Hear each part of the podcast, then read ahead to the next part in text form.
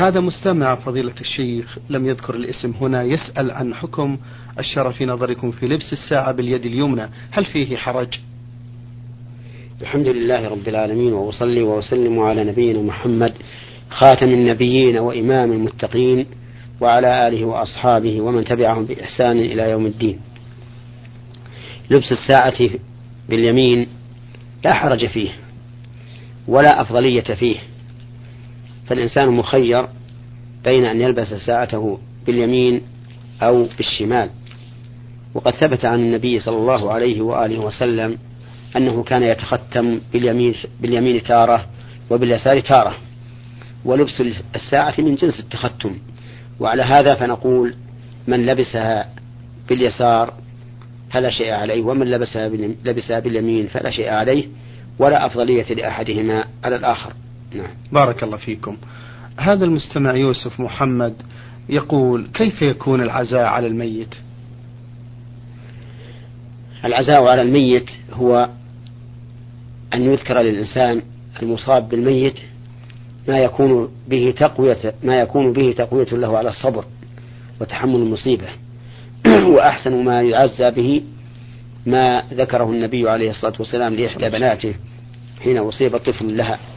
فقال عليه الصلاة والسلام لرسول أرسلته إلى رسول الله صلى الله عليه وآله وسلم إن لله ما أخذ وله ما أعطى وكل شيء عنده بأجل مسمى مرها فلتصبر ولتحتسب.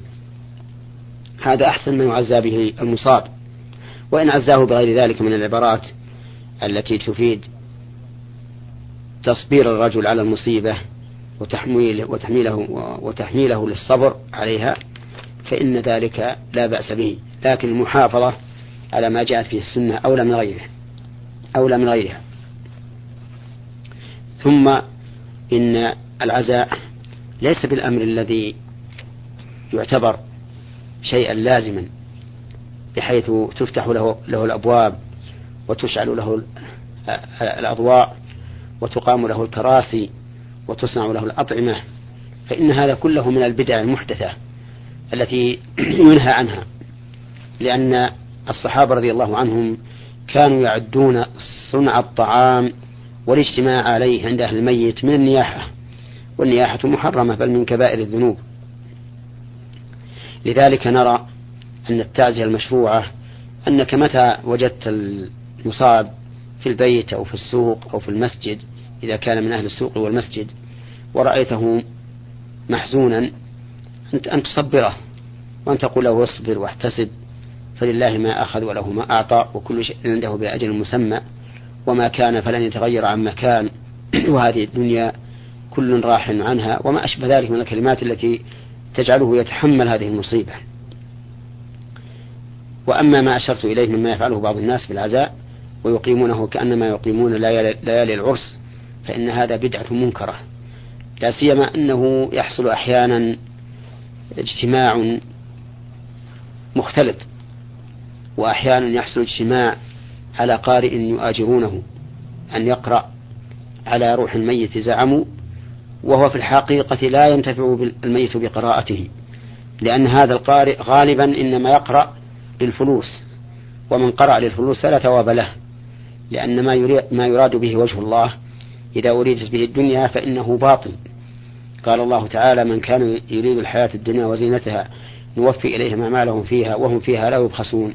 أولئك الذين ليس لهم في الآخرة إلا النار وحبط ما صنعوا فيها وباطل ما كانوا يعملون.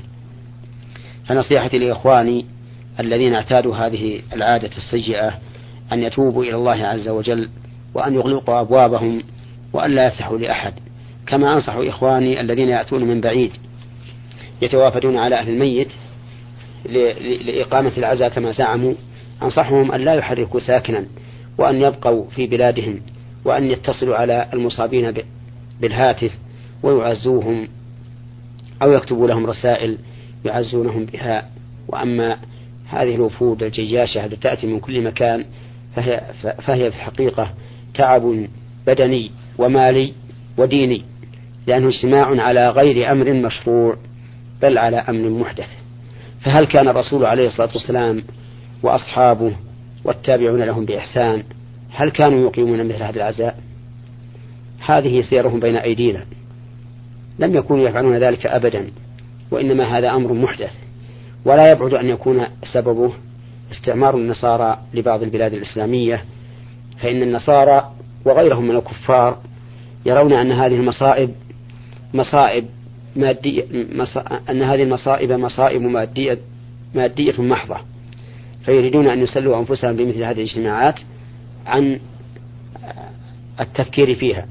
لكن المؤمن لا يتسلى بمثل هذه الأمور. المؤمن يتسلى بإيمانه يتسلى بتوكله على الله واعتماده عليه يتسلى برضاه بقضائه, بقضائه وقدره يتسلى بأمور معنوية روحية ليست مادية محضة كما يفعل الكفار من اليهود والنصارى وغيرهم لكن تلقفها بعض الناس وأخذوا بها ثم صارت عادة ونسأل الله لنا ولإخواننا أن يهدينا صراطه المستقيم صراط الذين أنعم الله عليهم من النبيين والصديقين والشهداء والصالحين. آمين. بارك الله فيكم على هذا التوجيه المبارك. هذا المستمع عين عين جيم يقول نقوم في شهر رمضان المبارك بقراءة بعض الأذكار والمأثورات وذلك قبل موعد الإفطار وبصورة جماعية. هل يجوز لنا ذلك؟ لقد كان رسول الله صلى الله عليه وآله وسلم إذا خطب يوم الجمعة تحمر عيناه ويعلو صوته ويشتد غضبه ويقول أما بعد فإن خير الحديث كتاب الله وخير هدي هدي محمد وشر الأمور محدثاتها وكل بدعة ضلالة وكل ضلالة في النار.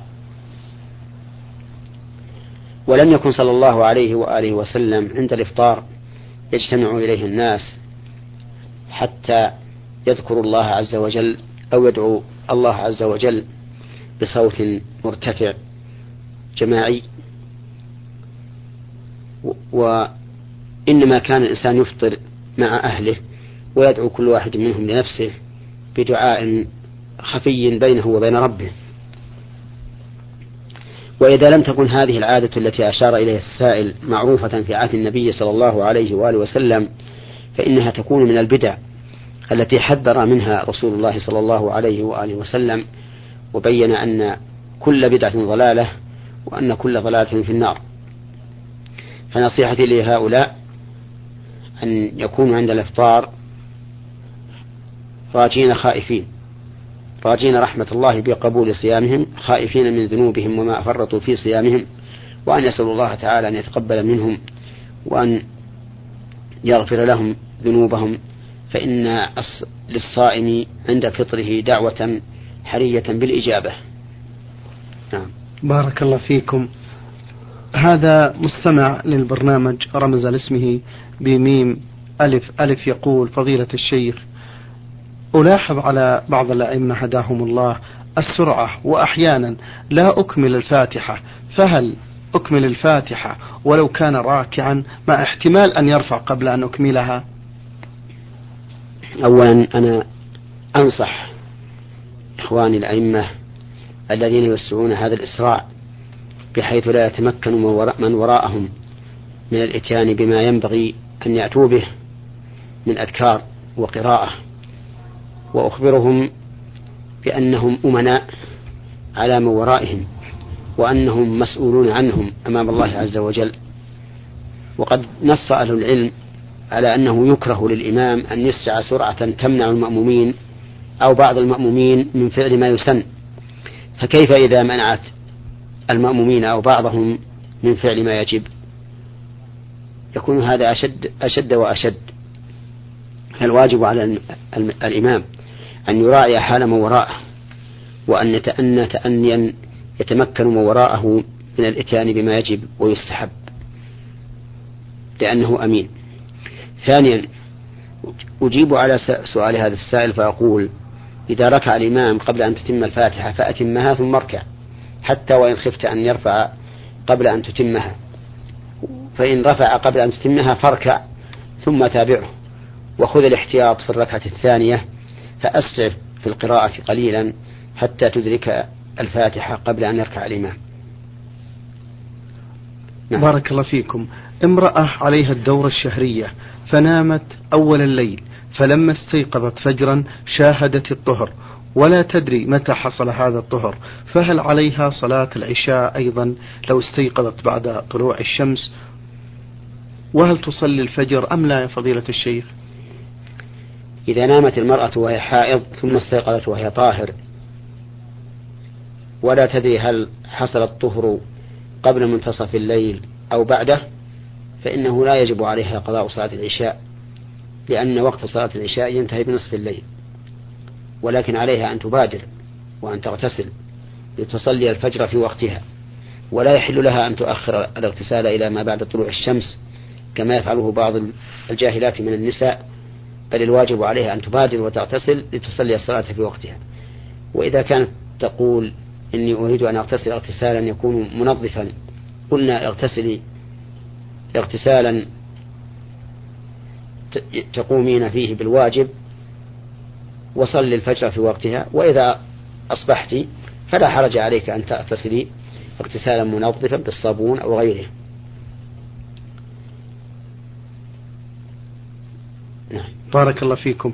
هذا أحد الإخوة المستمعين يستشيركم في هذا السؤال ويقول فضيلة الشيخ رجل عنده أرض كبيرة واقترح عليه أحد الناس أن يبني عليها قصر أفراح ولكنه خشي أن يستخدم هذا القصر في بعض المحرمات كالغناء المحرم وغيره. فهل ترون أن يقيم هذا القصر أم لا فضيلة الشيخ؟ الذي أرى إذا كان هذا الرجل بإمكانه أن يقيم قصرا يمنع فيه ما يحرم من الغناء والعزف وغير ذلك مما يصنعه بعض الناس في ليالي العرس. أن يبني هذا هذا أن يبني هذه الأرض قصرا لما في ذلك من الخير ودفع الشر. أما إذا كان ليس بقدرته ذلك وأنه ساجل القصر مفلة يفعل, يفعل فيه الناس ما شاءوا. فلا يبني هذا القصر. وإني أقول له إذا بناه على النية الأولى أنه سيمنع المنكرات فيه فليبشر بالخير. وليعلم أن الله سيهيئ له من يسرع إليه ليقيم حفل حفل زواجه به. لأن أهل الخير ولله الحمد كثير. الحمد لله. نعم. فإذا بناه لهذا الغرض وعرف الناس ذلك فإنهم سوف يقبلون إليه سراعا نعم. بارك الله فيكم. آه، أحمد سعد صالح من اليمن يقول أسأل عن عدد ركعات صلاة التراويح وكم أدناها إذا أردنا التخفيف يا فضيلة الشيخ؟ صلاة التراويح هي قيام رمضان. نعم. وكان رسول الله صلى الله عليه وآله وسلم لا يزيد في رمضان ولا غيره على إحدى عشرة ركعة. كما ذكرت ذلك أعلم النساء به. عائشة رضي الله عنها حين سئلت كيف كانت صلاة النبي صلى الله عليه وآله وسلم في رمضان؟ فقالت كان لا يزيد في رمضان ولا غيره على إحدى عشرة ركعة. وربما صلى ثلاث عشرة ركعة.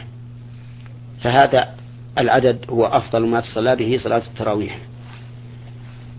ولكن ينبغي أن يلاحظ المصلي ولا سيما الأئمة أن الطمأنينة في هذه الصلاة لأن بعض الأئمة نسأل الله لنا ولهم الهداية ليس لهم هم إلا أن يكونوا هم الذين يسبقون الناس في الخروج. فتجدهم يسرعون إسراعا يخل في الطمأنينة ويتعب من وراءهم في المتابعة. وإن زاد الإنسان على إحدى عشرة ركعة إلى ثلاث وعشرين ركعة أو أكثر فلا حرج لأنه لم يرد عن النبي صلى الله عليه وآله وسلم تحديد الركعات بل سئل صلى الله عليه وسلم عن قيام الليل فقال صلاة الليل مثنى مثنى فإذا خشي أحدكم الصبح صلى واحدة فأوترت له ما صلى. فبين العدد المحدد لكل تسليمة وهو مثنى مثنى ولم يبين عدد التسليمات فدل هذا على أن الأمر موكول إلى الإنسان وأن الأمر واسع. ولكن لا شك أن العدد الذي كان النبي صلى الله عليه وآله وسلم يحافظ عليه أولى من غيره. نعم. بارك الله فيكم. يقول هل يجب التوجه في صلاة النافلة النافلة؟ مثلا أن يقول اللهم باعد بيني وبين خطاياي كما باعدت بين المشرق والمغرب إلى آخره. المعروف عند أهل العلم أن الاستفتاح الوارد في الفريضة مشروع فيها وفي النافلة. وعلى هذا فلا بأس أن يستفتح النافلة بقوله سبحانك اللهم وبحمدك وتبارك اسمك وتعالى جدك ولا إله غيرك.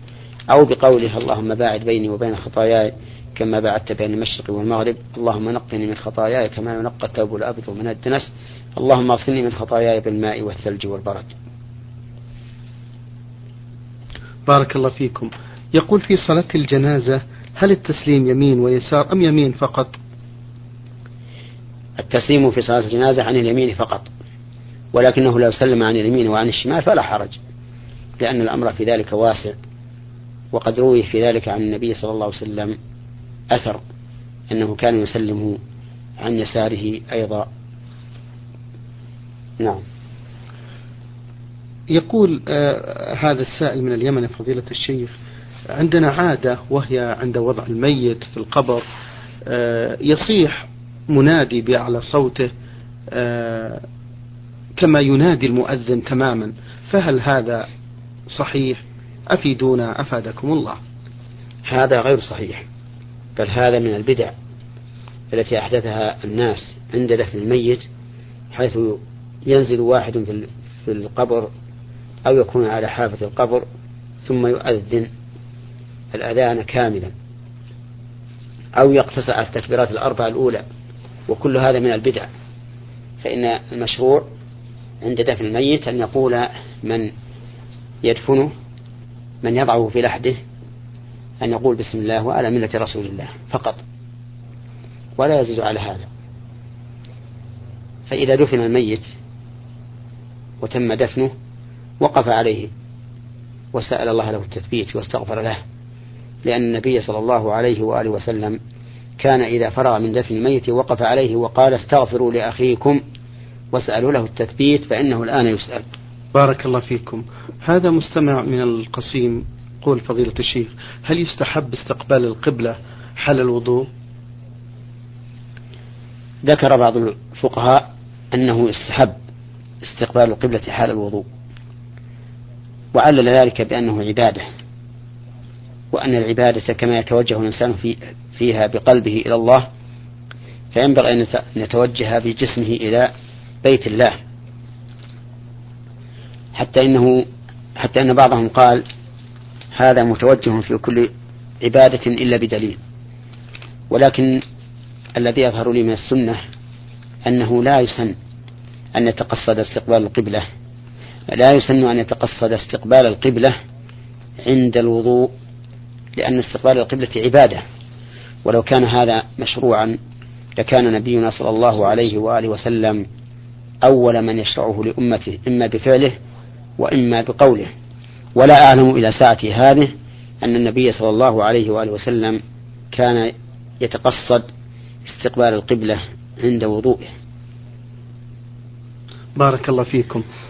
المستمع أخوكم عين عين آه، جدة يقول هل ثبت عن النبي صلى الله عليه وسلم أنه كان يصلي ركعتين بعد الوتر يقرأ فيهما بإذا زلزلت وقل يا أيها الكافرون؟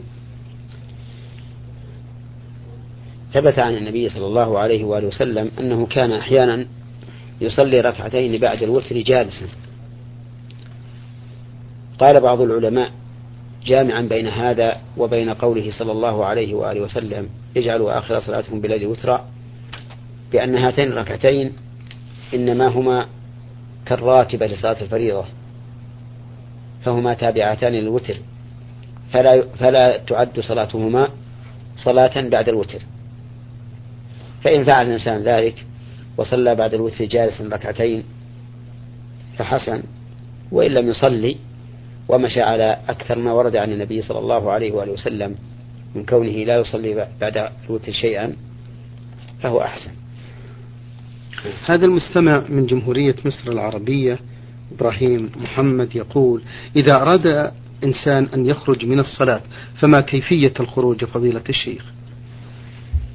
إذا أراد إنسان أن يخرج من الصلاة بعد تمامها نعم. فإنه بعد التشهد الأخير يلتفت عن يمينه السلام عليكم ورحمة الله ثم عن يساره السلام عليكم ورحمة الله. فإن افتتاح الصلاة التكبير واختتامها التسليم. بارك الله فيكم. هل يشرع للعيد غسل كالجمعة فضيلة الشيخ؟ لا أعلم في هذا سنة عن رسول الله صلى الله عليه وآله وسلم. أنه كان يغتسل لصلاة العيد. لكن ذكر عن بعض السلف أنه كان يغتسل عند صلاة العيد وأخذ بذلك كثير من أهل الفقه وقالوا إنه يسن أن يغتسل لصلاة العيد لأنها صلاة اجتماع عام فشرع فيها الاغتسال كيوم الجمعة. فإن اغتسل الإنسان فحسن وإن لم يغتسل فلا يقال إنه فوت سنة. نعم. بارك الله فيكم. يقول المستمع آه، محمد عبد الله دخل والدي المستشفى وأجرى عملية جراحية وكان يتيمم للصلاة وليس في المستشفى تراب فكان يتيمم بالغرفة وبعد ذلك أحضرت له ترابا. فما حكم هذا العمل فضيلة الشيخ؟ إذا كان هذا العمل أقصى ما تقدرون عليه فإنه عمل مجزم لقول الله تعالى فاتقوا الله ما استطعتم. وقوله تعالى لا يكلف الله نفسا إلا وسعها. وقول النبي صلى الله عليه وآله وسلم إذا أمرتكم بأمر فأتوا منه ما استطعتم. نعم. المستمعة عين آه، باء الطويلة تقول في هذا السؤال أم لديها بنت معاقة وليس لهذه البنت مصدر مالي فأوصت لها الأم بجزء من مالها تحصل عليه بعد وفاة الأم. فهل الأم ظلمت بقية الأبناء والبنات بهذه الوصية فضيلة الشيخ؟ نعم. الأم إذا أوصت لهذه البنت بشيء من مالها فإن وصيتها حرام وباطلة. فإن أجازها الورثة فيما بعد نفذت وإن لم يجوزوها فإنها لا تنفذ. والبنت المعاقة وليها الله عز وجل فنحن علينا أن نتقي الله تعالى فيما أمرنا به وهي. وأمر هذه البنت المعاقة يكون إلى الله سبحانه وتعالى لكن لو أوصت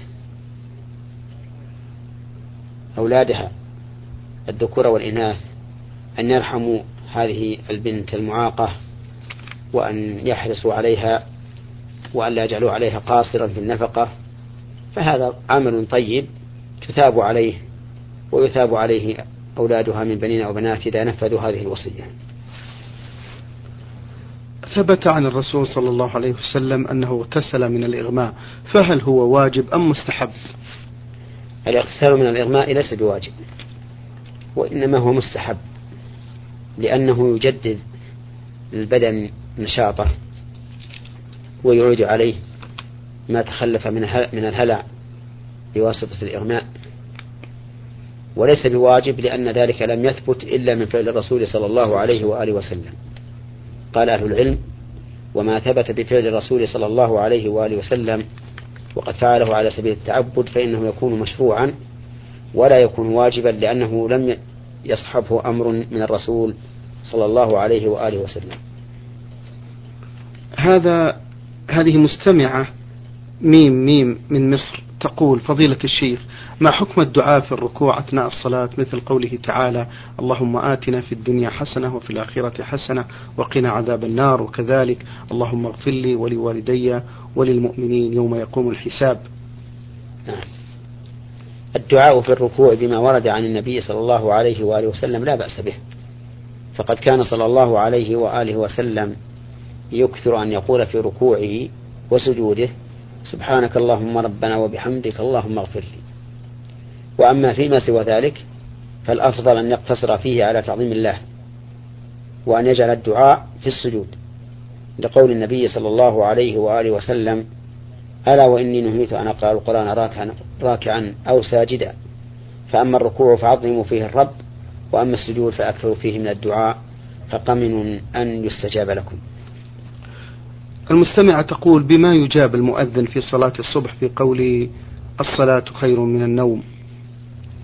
يجاب المؤذن في صلاة الصبح على قوله الصلاة خير من النوم بأن يقال مثل ما يقول. لأن النبي صلى الله عليه وآله وسلم قال إذا سمعتم المؤذن فقولوا مثل ما يقول المؤذن. ولم يستثن من ذلك إلا الإجابة على الحي على الحيعالتين فإنه كان يقول لا حول ولا قوة إلا بالله لأن الحي علتين حي على الصلاة يعني أقبلوا إليها. فيقول السامع لا حول ولا قوة إلا بالله لأن هذه الجملة لا حول ولا قوة إلا بالله كلمة استعانة فهو إذا دعي إلى الصلاة وإلى الفلاح سأل الله تعالى الاستعانة فقال لا حول ولا قوة إلا بالله. وما عدا ذلك من الفاظ الأذان فإنه يقال كما يقال يقوله المؤذن. طيب. المستمع عين حاء طاء يقول في هذا السؤال ما هو توجيه فضيلتكم لمن أصر على عدم قبول الحق لأن المتحدث يصغره بالسن؟ أولا ولأن السامع في قلبه شيء على نفس المتحدث أرجو النصح والتوجيه في هذا. نصيحتي في هذا إذا كان هذا المصر على المعصية سواء كانت فعلا فعلا محرم أم ترك واجب وكان أخوه أو صاحبه يصغره في السن ويعلم أنه لن يقبل منه نصيحتي له أي للمنصوح أن يقبل النصيحة من أي شخص كان فالحق هو مراد المؤمن. وهو ضالة المؤمن أينما وجده أخذه. أما بالنسبة للناصح فإذا كان يعلم أو يغلب على ظنه أن هذا سوف يحتقر نصيحته ولا يقبلها ولا يقبلها فليطلب ذلك ممن هو أكبر منه حتى يقوم بالنصيحة. لهذا الرجل المصر على المعصية. بارك الله فيكم. من السودان هذا مستمع رمز بألف عين عين يقول فضيلة الشيخ شخص أدرك الركعة الثالثة والرابعة في صلاة العصر ولم يدرك التشهد الأوسط كيف يتم صلاته؟ يتم صلاته على ما بقي لأن النبي صلى الله عليه وآله وسلم قال ما أدركتم فصلوا وما فاتكم فأتموا. فإذا كان أدرك ركعتين مع الإمام في صلاة العصر مثلا فإنه يقضي ركعتين بعد سلام الإمام. يقضيهما بالفاتحة فقط ولا يضيف إليها سورة أخرى. وإنما يضيف سورة أخرى في الركعتين الأوليين اللتين أدركهما مع الإمام إن تمكن من قراءة السورة بعد الفاتحة قبل ركوع الإمام. وإلا سقطت عنه. نعم. شكر الله لكم فضيلة الشيخ. وبارك الله فيكم وفي علمكم ونفع بكم المسلمين. إخوة الإيمان أجاب على أسئلتكم فضيلة الشيخ محمد.